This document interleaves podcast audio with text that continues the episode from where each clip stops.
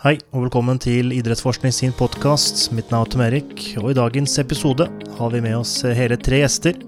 Professor Gøran Paulsen fra Norges idrettshøgskole, professor Atle Hole Sæterbakken fra HVL, og eh, sammen med sin lokale kollega førsteamanuensis Vidar Andersen, også fra Høgskolen på Vestlandet, campus Sogndal. Denne episoden er en videreføring fra forrige episode, der vi snakket om kjernemuskeltrening, men eh, der temaet i dag er restitusjon.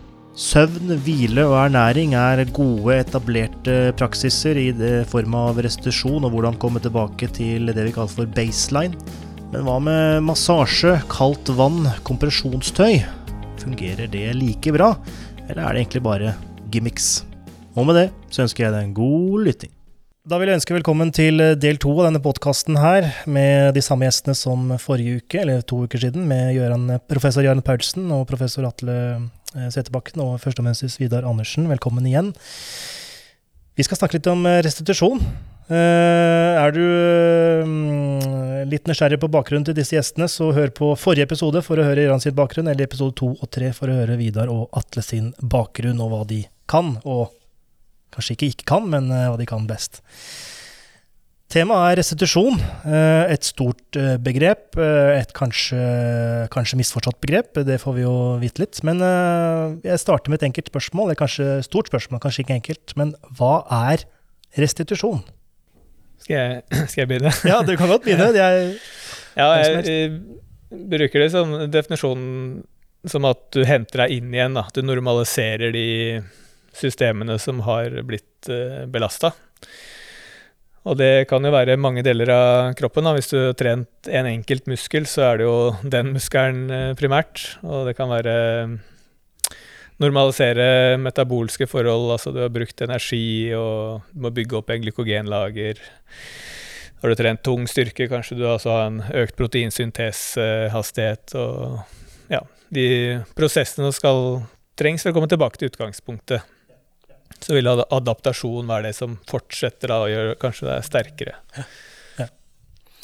Og, um, og, da snakker man om uh, ting som skal normaliseres. Det kan være styrke, det kan være hopphøyde, det kan være mer uh, kreatin kinase innvendig av kroppen, eller um, kortisol, eller ja, ulike ting. Eh, som man gjerne måler i disse restitusjon- eller recovery-studiene. Eh, hvordan får man til en raskest mulig tilbakegang fra, eller tilbake til baseline? Ja, Da gjelder det å være best mulig trent. Da. Altså jo, jo mer vant uh, du er til å gjøre en ting, og jo bedre trent du er til det, jo kjappere henter kroppen seg igjen. Så um, jeg hadde besøk av en uh, fotballtrener uh, en gang, og han spurte hva, liksom, hva, hva skal vi gjøre for å restituere raskere. Eh, så jeg følte ja, nummer én eh, Fotballspilleren må være bra nok trent til å tåle en fotballkamp. Så du må så, ja, så restitusjon kommer jo av at det jo, blir jo lengst når du gjør noe uvant. Så hvis du kombinerer da bremsearbeid eller eksentrisk muskelarbeid, strekker musklene i stor grad, og det er uvant, og det er stor kraft, eh, så er risikoen høy for at det blir mange dager med restitusjon. Mm, mm, mm. Absolutt. Det kan vi, tror jeg vi kan alle kjenne oss igjen i. Ehm, men eh, når man snakker om restitusjon, så snakker man gjerne om hvile, søvn, mat, eh, karboinntak, proteininntak. Man snakker gjerne om andre duppeditter man kan bruke med å rulle på en sånn uh, foam roller eller uh, tykke ned i en isbad eller uh, gjøre masse tilsynelatende gærne ting. og gæren så mener jeg ekstreme ting. Fungerer alt like bra, eller er det noe man bør prioritere, egentlig? Atle? Ja, hvis vi skal begynne med det generelle, da. Hvile og ernæring er, og søvn er viktige faktorer alt disse andre faktorene jeg nevner på, så tror jeg det, altså ut fra evidensen så er det ikke noe klart signal. Og det tror jeg nok også er litt med hva forventninger utøvere går inn med. Har de virkelig tro på dette her, så, så funker dette her. Eh, men om det funker bedre enn det andre, så er det litteraturen litt sånn, sånn vag, da. Som det som isbad, da. Med, med, å øke blodsirkulasjon og den type ting etter, etter harde økter. Eh, den litteraturen jeg har lest, så viser det ulike retninger og veldig stor individuell variasjon på, på den biten, som går nok litt med, med inngangsbilletten, om man har eh, dette som en, som en sterk forankra og tro på at det, dette er det som gjør at du yter den vesle prosenten mer eller restituerer. desto mer. Da. Men, eh, men grunnsteinene med, med, hvile, søvn og ernæring er, er viktige faktorer. Og de viktigste faktorene som bør fokuseres på. Ja. Og det er det som på en måte hva skal jeg skiller ulike utøvere, er jo Alle har nok fokus på dette med hvile, søvn og kosthold og den slags. Men så er det da enkelte som tyr til disse ja, noe vi kanskje kaller gimmick. Eh, foamroller eller massasjepistoler eller isbad og uh, Forrige uke, tror jeg, så retweeta jeg på Twitter en uh, Du kunne kjøpe en uh, tønne Uh, altså da mener jeg bare en tønne. Plastikktønne. 1200 US dollars. Det er 12 000 kroner for en tønne. Uh, fylte ikke, nei, fulgte ikke med is eller vann eller den slags, men det var for å uh, hoppe oppi og, og ja, bli kald. Kjøle seg ned. men disse mer ekstreme tingene som jeg nevner, er det bare bullshit, eller er det noe av det som funker? Kuldebehandling har jo en viss effekt på kort sikt. Altså, det brukes jo ganske aktivt uh, innen friidrett. Uh, ballidrettere, håndball og altså norske utøvere også gjør det. Uh, men vi anbefaler jo da at man skiller mellom konkurranse og trening. Sånn, under, tren under, trening så skal du ha adaptasjon, og du, lyst, du vil utvikle deg. Eh, og da er det en risiko for at hvis du prøver å påskynde restitusjonen, så kan du også miste adaptasjonen. Så ved å kjøle ned muskulaturen, så er det vist at muskelveksten avtar da, hvis du gjør dette hver gang du trener styrke. Men hvis du skal restituere deg fra to fra én konkurranse til neste, så kan det være noe å hente. Det er noen studier som viser eh, at det også hjelper da, på eksplosive øvelser og sånn. Spenstopp, f.eks. Men da holde seg unna det da, på trening. Og så er det vist seg altså at uh, de negative effektene ser ut til å være større på styrketrening enn på utholdenhetstrening. Så, men om det er noe vits, uh, det er ikke så godt å si. Men det ser iallfall ut som at større, du tar en større risiko da, hvis du kjøler deg ned etter hver styrkeøkt enn etter en utholdenhetsøkt. Hvor kaldt snakker vi da? Er det å bare ta en skru helt ned på kalde dusj, eller er det isbiter og denne 12 000 kroners tønna vi må ha? Ja, det må ligge sånn 10-15 grader, tror jeg, hvis jeg ikke husker feil. Uh, blir det kaldere ned, så begrenser du veldig hvor lenge du orker å være oppi der. Ja, riktig. Uh, så, så så, så er temperaturen er én ting, og så justerer man selvfølgelig da med varigheten oppi. Men du må senke kroppen nedi. Det holder ikke å dusje.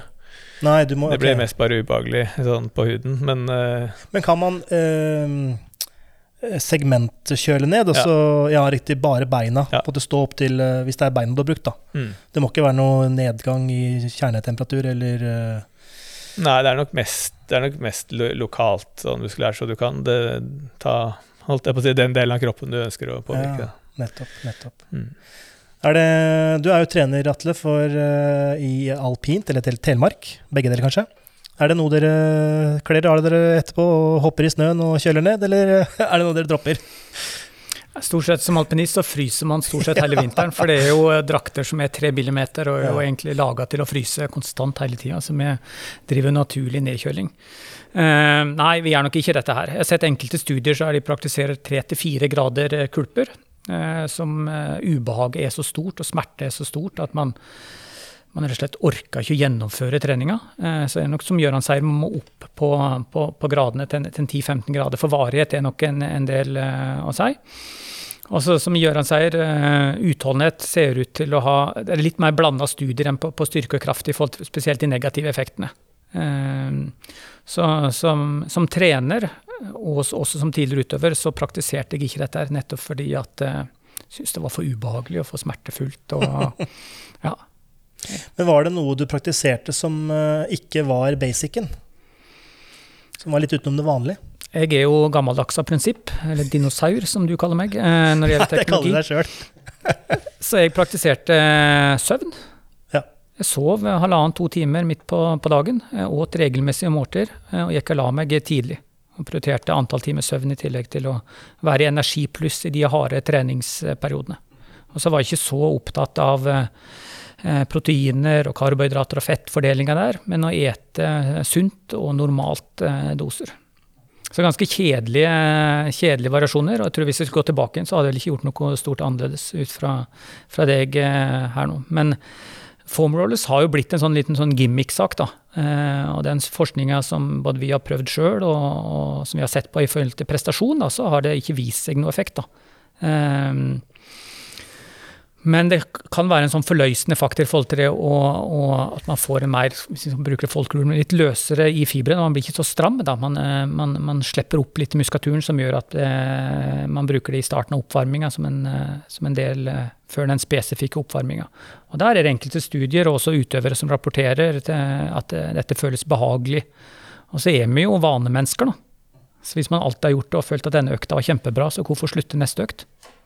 Eh, og da er evidensen litt vanskelig å si på langtidseffekter. Da. Mm. Man er vel ikke helt sikre på om det er på en måte en lokal muskulær effekt, eller om det er en uh, nevrologisk effekt, altså sånn på smerte. da. Jeg vet jo sånn fra eh, tidligere, altså så, PNF er sånn Du strammer musklene, så slapper du av. Altså, sånn type du, så, er det nevrologiske effekter eh, som gjør at du opplever ubehaget mindre. Og alle har vel kjent på at formrolling kan være ganske vondt. Eh, så hvis du klarer Så hvis du måte ja, gjør det på en måte som du liksom demper ubehaget litt, da, så det jo, kan det være effektivt under tøyning, f.eks. Fordi når vi hadde professor David Behm, som du blant annet, eller også nei, Vidar kanskje, har samarbeidet med artikkelmessig, han, eh, om det var foamrolling eller om det var tøyning, det husker jeg ikke helt. Men det var iallfall det å foamrolle eller tøye en av sidene, og påvirket da den andre siden med tanke på bevegelighet. Så da snakker vi om den sentral eh, påvirkning, eh, som iallfall ja, i en viss grad kan dokumenteres. Mm. Ja, det stemmer helt riktig. Og de som har trodd, brukt foamroller som en sånn behagelig prikkende i huden, de har ikke rulla ordentlig. For det er betydelig med kraft som skal til, omtrent som en har en eh, ordentlig massør som virkelig går ned i de dype delene av muskelfibrene, ikke den her komfortmassasjen. Som har vist seg en effekt eh, på, restitusjon og ubehag-biten. Mm. Men at effekten over lang tid, vanskelig. Men at det ikke er noe behagelig Eh, lettvint alternativ. Det tror jeg kan understreke på, for det, er ganske smertefullt eh, og ganske stor kraft eh, som, som påføres. Mm. Så kan man da egentlig sammenligne foamrolling med litt massasje, om det er massasje av en annen person, eller disse pistolene som dunker eller vibrerer, eller ja, et eller annet. Er det samme type potensiell effekt? I hvert fall akutt, da, før en økt blir mer bevegelig, eller komfort, eller et eller annet. Eller? Ja, så, altså, man har vel slitt med å finne noe effekt av massasje sånn på prestasjon, i hvert fall for utøvere. Eh, men, ja, så, men man ser jo på en måte den, på den mentale psykologiske sida altså at det er jo det er jo ting som skjer når du får massasje. Du oppleves jo som veldig behagelig. Utøvere går jo ut av veien, holdt jeg på å si, for å få massasje. Mm. Så, og det brukes mye ressurser på det. Mm. Mm. Så det er jo dumt å avfeie det som noe som er helt meningsløst. Men det er et gap mellom det vi ser i vitenskapelige studier og det som gjøres i, i praksis. Det kan vi vel eh, trygt si. ja, ja. Jeg husker fra, igjen fra min tid som fysisk trener at det var veldig mange som trengte å ligge på massasjebenken eh, før eh, trening og før kamp for å bli knadd i lysk eh, og hamstring spesielt. da. om de trengte det, vet jeg ikke, men de følte iallfall velbehag etter, etterpå å kunne prestere bedre, iallfall rent psykologisk. Så jeg tror det er litt forskjell mellom utholdenhetsidrett med mange repeterende sykluser kontra kraft veldig kraftige idretter da, på effekten av dette. her, Men mange utøvere sverger ut dette her som, som løsninga som gjør at de kan under OL eller andre større mesterskap kan presistere gang på gang.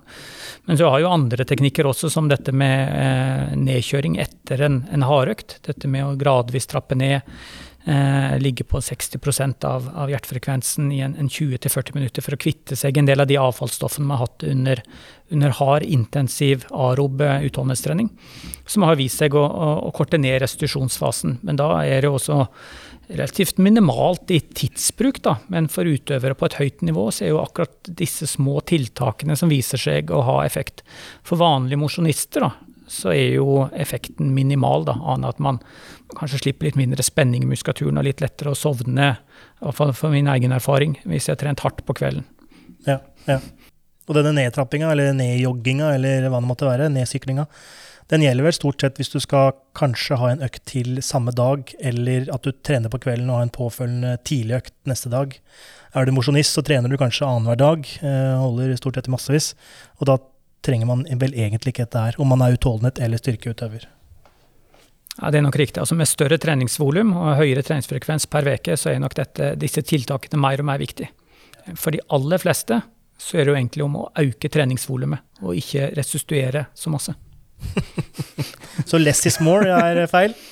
More is more? Eh, man skal være litt forsiktig og være sånn absolutt her, men for veldig mange eh, generelt i den norske befolkninga så handler det nok heller om å ta en treningsøkt ekstra enn å fokusere på restitusjonstiltakene etter de to øktene man har hatt i vekka. Det er jo en interessant betraktning, akkurat det òg. For de, de, tingene som vi har tatt opp nå, både med, eh, med kulde i forhold til restitusjon, og det her med foam rolling og sånt, nå, så ser du jo Gjøre har mer erfaring enn meg med utøvere, men i hvert fall eh, når vi ser på mosjonister, er jo ofte der man, man ser nesten mest utbredt, har inntrykk av. Treningssentrene kjøper inn kaldkulper, i hvert fall gjorde de det tidligere, kanskje litt på vei vekk igjen. Og så er jo egentlig ikke dokumentasjonen er jo egentlig ikke der. sant? De viser jo kanskje litt hvordan det er innenfor bransjen, i hvert fall treningssenterbransjen, i forhold til at man ofte det kommer hyper, og så hopper man litt på. så man skal jo selge produkt, da, så kanskje man klarer å selge det, så er det greit. Men, uh, men, det er ikke nødvendigvis at forskningen ligger der som understøtter det, da, for å si det sånn. Og så er det som Atle sier, at for de som er der, så er det kanskje ikke det som bør være primære fokuset heller. Mm. En annen ting jeg har sett uh, veldig sjeldent dette ble, dette ble, uh, Vi har snakket om formrolling og massasje og sånne ting, som ikke ekstremt, men dette ble ekstremt. Uh, Eh, hva heter det? Eh, kompresjonsbukser eh, eller sånne ting. Kompresjonstøy eller sånne ting. Og da disse Det er vel i utgangspunktet ting som brukes, eller har blitt eller brukes i flyvåpenet og F-16, og der man ønsker å beholde blodet i, i topplokket så man ikke besvimer. Det har blitt nå kanskje ikke vanlig, men jeg har sett noen crossfit-utøvere bruke dette her legge ekstremt kompress og denne buksa på uh, for å restituere raskere. Er det gimmick? Altså, jeg har gjort, gjort, en del studier på det. Jeg vet ikke hvor mye trykk Eller jeg vet avhengig av hvor kraftig det er, da, eh, trykket. Men um, eh, kompresjonstøy vil jo hindre litt svelling og sånn eh, av muskulaturen. Så du får lettere sånn tilbakestrømming av eh, i sirkulasjonen, men også lymfevæske. Eh, så det er vel ikke så mange negative effekter av det. Det er mer sånn at man ikke har sett noe særlig positiv effekt. Men det er det som, det er det som vi Altså idretten har vært opptatt av, at vi på en måte ikke At vi, at vi gjør utøveren klar over at noen restitusjonstiltak kan virke positivt, ikke ha effekt, eller virke negativt. Så det gjelder å holde seg der at det, at det kanskje har en positiv effekt. Og eh, så, så, så, har jeg vært inne på det med sånn totalt sett, da, hvis, eh, hvis, du skal drive med for mange restriksjonstiltak, så øker du på en måte oppmerksomheten rundt det, og du bruker for mye tid på det. Og hvis ting går i vasken, at du ikke får gjort det, så blir det mental belastning. Så gjør det enkelt. Men eh, så, akkurat sånn kompresjonstøy eh, kan det være noe som man syns er behagelig, og da er det ikke noe, ser det ikke ut til å være stor risiko da, med det. Men dette kompresjonstøyet eh, fordi buksene jeg snakker om, er jo eh, avanserte som eh, presser Det er som å ha på seg når du måler blodtrykk hos legen, aktig. Men kompresjonstøy, i hvert fall dette Ja, ulike tights-merker, da, sier også at dette er kompresjonstøy. Er Hva er kompresjonstøy? Er det det jeg snakker om, eller er det disse 2XU og tights og den slags? Nei, det tør ikke jeg si, for da måtte man jo kanskje Det kommer jo an på hvilket, hvor stramt stoff er, og, og så, ja, hvordan passformen er. og sånn. Så, men, men, jeg antar jo det må være strammere enn en vanlig tights? Ja da, det må det være. Ja. For det jeg har lest, har de, ikke, har de sjelden uh, målt både elastisiteten og også trykket det medfører. da. For ulike størrelser på lår vil jo gi ulik grad av kompresjon på dette her. Så jeg tror, uh, i hvert fall fra den kommersielle markedet, så kaller man ting som komprimerer til en viss grad, med en viss elastisitet og en litt stivhet i tøyet. Eh, som får en kompresjonsstøy, mens andre eh, som man kanskje bruker mer man hvert fall forsker på da, innenfor for prestasjonsbinder, de er betydelig strammere der man prøver å kontrollere. Ikke som en, som en benkpressdrakt, eller noe sånt, men, men betydelig strammere enn dette her. Så er det jo alltid sånn der, eh, klart Hvis man låser av lårarterien når man bruker beina masse, så skal jo blodet tilbake inn også. Og hvis det er for høy kompresjon, så er vi over til en annen treningsform som vi kaller okklusjon. ja. Så det, det, er jo, eh, det, er jo, en sånn avveining mellom, mellom det å bedre den tilbake, eller venøse tilbakestrømminga av blodet eh, og hindre svelling, kontra det å, å blokkere tilbakestrømminga. Så den forskningen jeg har lest, så har de ikke brukt mye tid eller beskrevet eh, kvantifiseringa av av, av det. Så det er nok en flytende overgang mellom uh, utstyret og leverandør, kommersielle det leverandører presenterer på markedet. Ja, ja. Uh, enten andre, når dere jobber med idrettsutøvere eller er i treningssenter, sånne ting, hva er, det, hva er, det, er det noe som eh, misforstår dette med restitusjon? Bruker, vi snakket om for mye tid brukt på det. Eller er det andre ting som vi ikke har nevnt i dag, som er eh, up and coming, som en sånn hypa gimmick som kommer nå? Eh, hva er det folk stort sett gjør feil eller for mye av? Jeg kan i hvert fall si én ting som, eh, som, på en måte jeg har plukka opp. Og det er jo egentlig fra, fra, en gruppe som man tenker at kan det, nemlig idrettsstudenter. Og det er jo det at trening påvirker hverandre. Altså utholdenhetstrening og styrketrening, vi deler gjerne i to.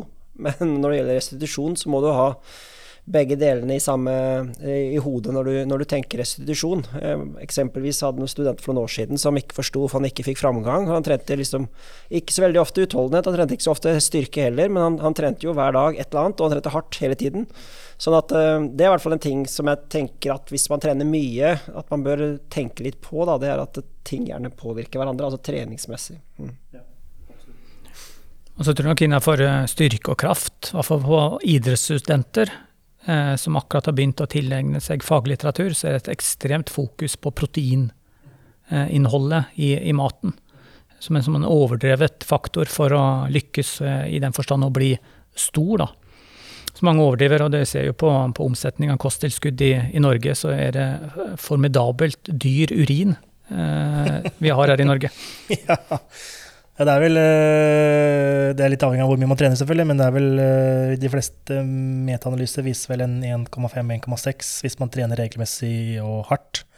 Som gram per kilo kroppsvekt, som er eh, det som man bør innta. Men er man mosjonist, så kan man kanskje også ligge lavere enn det. Jeg vet ikke.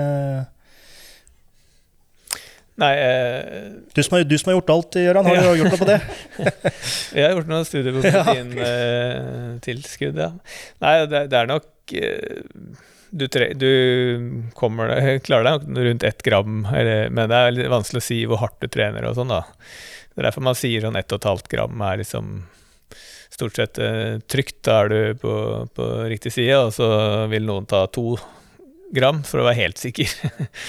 Så kommer det an på hva du trener. ikke sant? Trener du mye styrke, så kan du jo gå litt ned på karbohydratinntaket og spise mer protein, eh, hvis du liker det, eller det er noe ja, med, Kan det være noe med endring i kroppssammensetningen og sånn, da kan det være effektivt å gå litt ned på karbohydraten og litt opp på proteinene.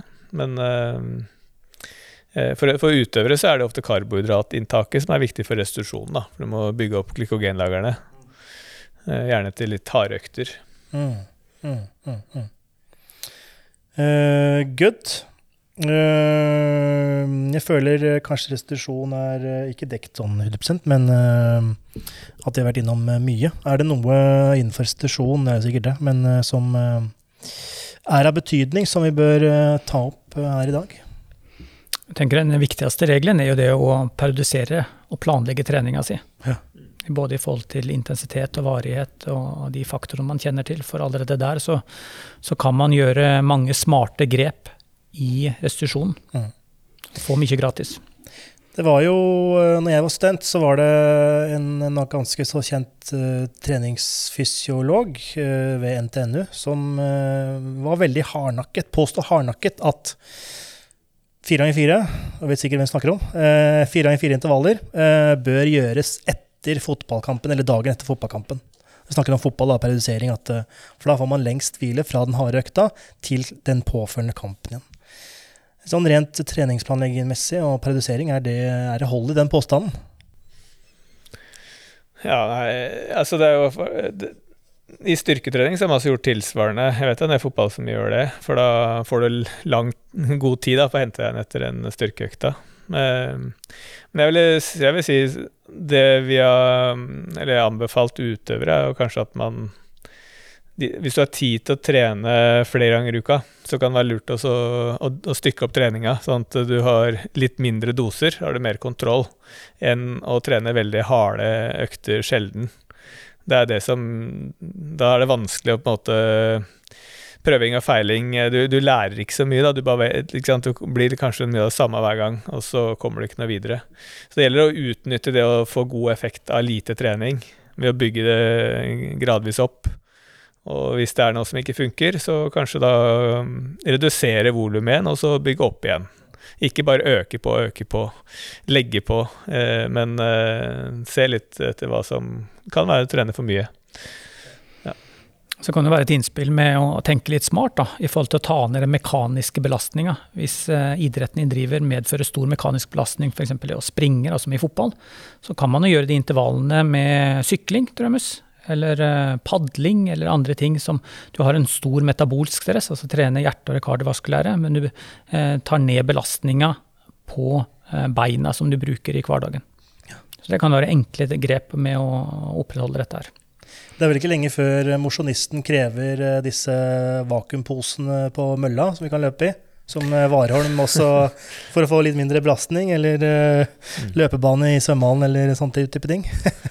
Alter G, ja, nei, det, ja. ja. men jeg er helt enig. Det er jo det som å sette også hos løpere, ikke sant? at det er de som kanskje tør å gjøre noe annet, sykle litt, gå på langrenn, rulleski, altså at det faktisk gjør dem til bedre løpere, da, fordi at løping er veldig belastende for beina. så det å trene litt alternativt, så får du bra mengder doser med trening uten at det belaster for mye. Kan jo spørre deg, Tom Erik, hvordan stress du er tror du? Jeg tror alle tunge styrke... jeg trener Ja, jeg trener ja, det er teit å si når jeg trener, så trener jeg hardt. Jeg trener relativt hardt, men jeg trener såpass lite frekvens at jeg trenger ikke å tenke. Jeg spiser middag og sover. Eh, det er det jeg gjør. Veldig enkelt. Jeg tenker ikke Jeg har ikke noe foamroll foam roll hjemme hos meg, eller eh, massasjepistol eller den slags. Jeg og dusjer, dusjer, veldig, dusjer, veldig, varmt. Mm, uten at det er restitusjonsmessig, men jeg syns det er behagelig med en varm, varm dusj. Men Der kan jeg jo stille spørsmål. Kanskje dere vet bedre enn meg, men er det ikke gjort noe studie på det med varme i forhold til restitusjon? Mm. Vi snakka om kulde i stad, men det er vel også noen som har prøvd det motsatte, er det ikke det? Mm. Jeg har vel ikke gitt noe særlig positive resultater ellers, så Østeuropeiske vektløftere elsker jo badstue. Mm. Jeg husker jo i min yngre, yngre alder så lasta ned et program fra nettet som var sånn bulgarsk vektløftingsprogram. Og da var det alltid på søndag programmert uh, sauna. Riktig, ja. uh, men det er kanskje ikke noe, i hvert fall fysiologisk, kanskje ikke noe vits i. Nei, jeg tror ikke det er uh, funnet noe særlig positive effekter av det. altså det det har vel ikke vært på samme måte negative ting som på kulde, da, men heller ikke noe voldsomme positive effekter. Jeg kan jo bare bruke meg sjøl, det ble jo et case-studie. Men etter antall timer i bakken og fryse, og sette seg i 40 grader jacuzzi og slappe av, det tror jeg mentalt i hvert fall har en veldig positiv effekt.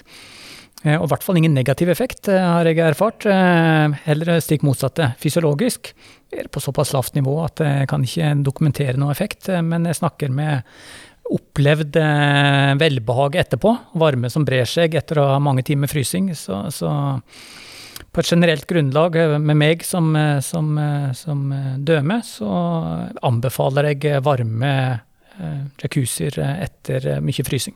Ja. Hvis man har det. Hvis, hvis, man, hvis man, har det og passert 40 år og egentlig har litt vondt overalt. uh, ja. Eh, rent sånn uh, Nå har vi jo tre uh, hva skal jeg si, sky mennesker rent digitalt. Pleier eh, vi pleier jo alltid å spørre hvor er det dere å finne digitalt? Twitter, Instagram, ResearchGate, sånne ting. Men uh, starter med deg, Gøran. Rent digitalt, hvor er, det, hvor er det vi kan følge din forskningsvirksomhet og den slags? Ja, det er riktig veldig sky, det, faktisk. ResearchGate er iallfall uh, oppdatert, så det er tror jeg vel er en, eneste jeg kan gi Nettopp. som tips til det. Jeg, jeg tagga deg på Instagram, men eh, det var kanskje en annen Gøran Paulsen, det. Ja, det er mulig jeg har en konto, men jeg er veldig Ja, inaktiv på det, alle, alle plattformer der. Riktig. Atle, du stiller vel litt i samme kategori, tror jeg. Jeg er jo uh, digitalt underverk når det gjelder uh, det å klare å skru av og på TV-en. Uh, Ja. Nei, jeg er nok, eh, jeg lever nok i skuggen. Eh, Jeg husker en gang jeg hadde prosjekt for lengre år siden. Da ansatte jeg Vidar som medie- og kommunikasjonsansvarlig. ble jo ingen henvendelser. eh, Så jeg eh, har nok en oppdatert ResearchGate-profil. eh, Og det er nok der det går an å følge meg. Når eh, kommer du på Twitter? Av prinsipp så har jeg eh, ikke, og kommer nok ikke i det nærmeste framtid å etablere. Og det, En kan forklare hvorfor også. Og det er litt fordi at eh, de som leser mye av den Twitter-forskninga, de får med seg en heading, en overskrift, og så tar man det som god fisk. da. Og mange forskere er kjempeflinke til å promotere sin egen forskning og få dette ut til store massene. Men så er det ikke alltid det som ligger tilbake for disse funnene, og da blir det mer overskrifter enn kontekst. da. Så jeg har valgt veldig bevisst å ikke være på Twitter og spre forskning og funn på den måten, men heller å gå til originalstudier som man kan kritisk etterprøve og se på de funnene. Eh, så det er min, eh, min, min ståsted til dette. her. Samtidig så har nok vi forskere en betydelig jobb med å kunne spre forskninga til, til allmenne. Fordi artiklene som publiseres er jo for forskere. Det er jo veldig grad for allmenne, og det er skrevet på en måte som forskere forstår. Så jeg appellerer til alle som skriver populærvitenskapelige foredrag og, og, og publiserer dette her. Men jeg har gjort et bevisst standpunkt at Twitter-forskning, der finner du ikke meg. Så på spørsmålet ditt, eh, det tar nok eh, betydelig tid. Ja. Men essensen av dagens møte var jo artikkel motsvar motsvar. Og det er jo på Twitter du kan komme med et motsvar eventuelt til et funn som blir eh, overpublisert eller over eh, Hva skal jeg si? eh, Spredd til det vide og det brede. Så kanskje det du sier, er et argument for å komme deg på Twitter. Eller et argumentasjon for å enten å bekrefte hypotesen som er testa, Ja. eller det stikk motsatte. Ja. Mens en, en som er på Twitter, det er deg, Vidar. Ja, det er jeg. Så om hvor aktiv jeg er, det, det kan man sikkert diskutere. Jeg er sikkert en av de her som Atle irriterer seg over, som eh, publiserer eh, forskningen som eh, gruppa klarer å få ut på Twitter. Den prøver jeg å putte ut der. Gjøran tror jeg også har en Twitter-konto, mulig han er litt inaktiv, men eh, han også tror jeg er på, er på Twitter. Ellers er det jo ResearchGate. Um, som, eh, som blir nevnt her. Ellers så må jeg jo si at det er jo ikke meg, da, men det er jo forskningsgruppa vår. Den er jo på Facebook. Eh, Så der også er det muligheter å gå inn og følge, og så prøver vi så godt vi kan å legge ut både artiklene når de kommer, men noen ganger så tar vi også litt eh, hva skal jeg si, informasjon om prosjektene som er i, er i løp. da, Noen bilder og litt sånt. Så det er jo på trening, utvikling og prestasjonsgruppa på, på Facebook er også en mulighet for å følge ikke min, men eh, forskningsgruppa sin eh, forskning. Mm, mm, mm. Veldig bra. Da vil jeg takke alle tre for en god og velfylt akademisk prat. Til og med med litt praktisk visning der jeg fikk svetta litt. Så takk for det, alle tre. Veldig. Veldig.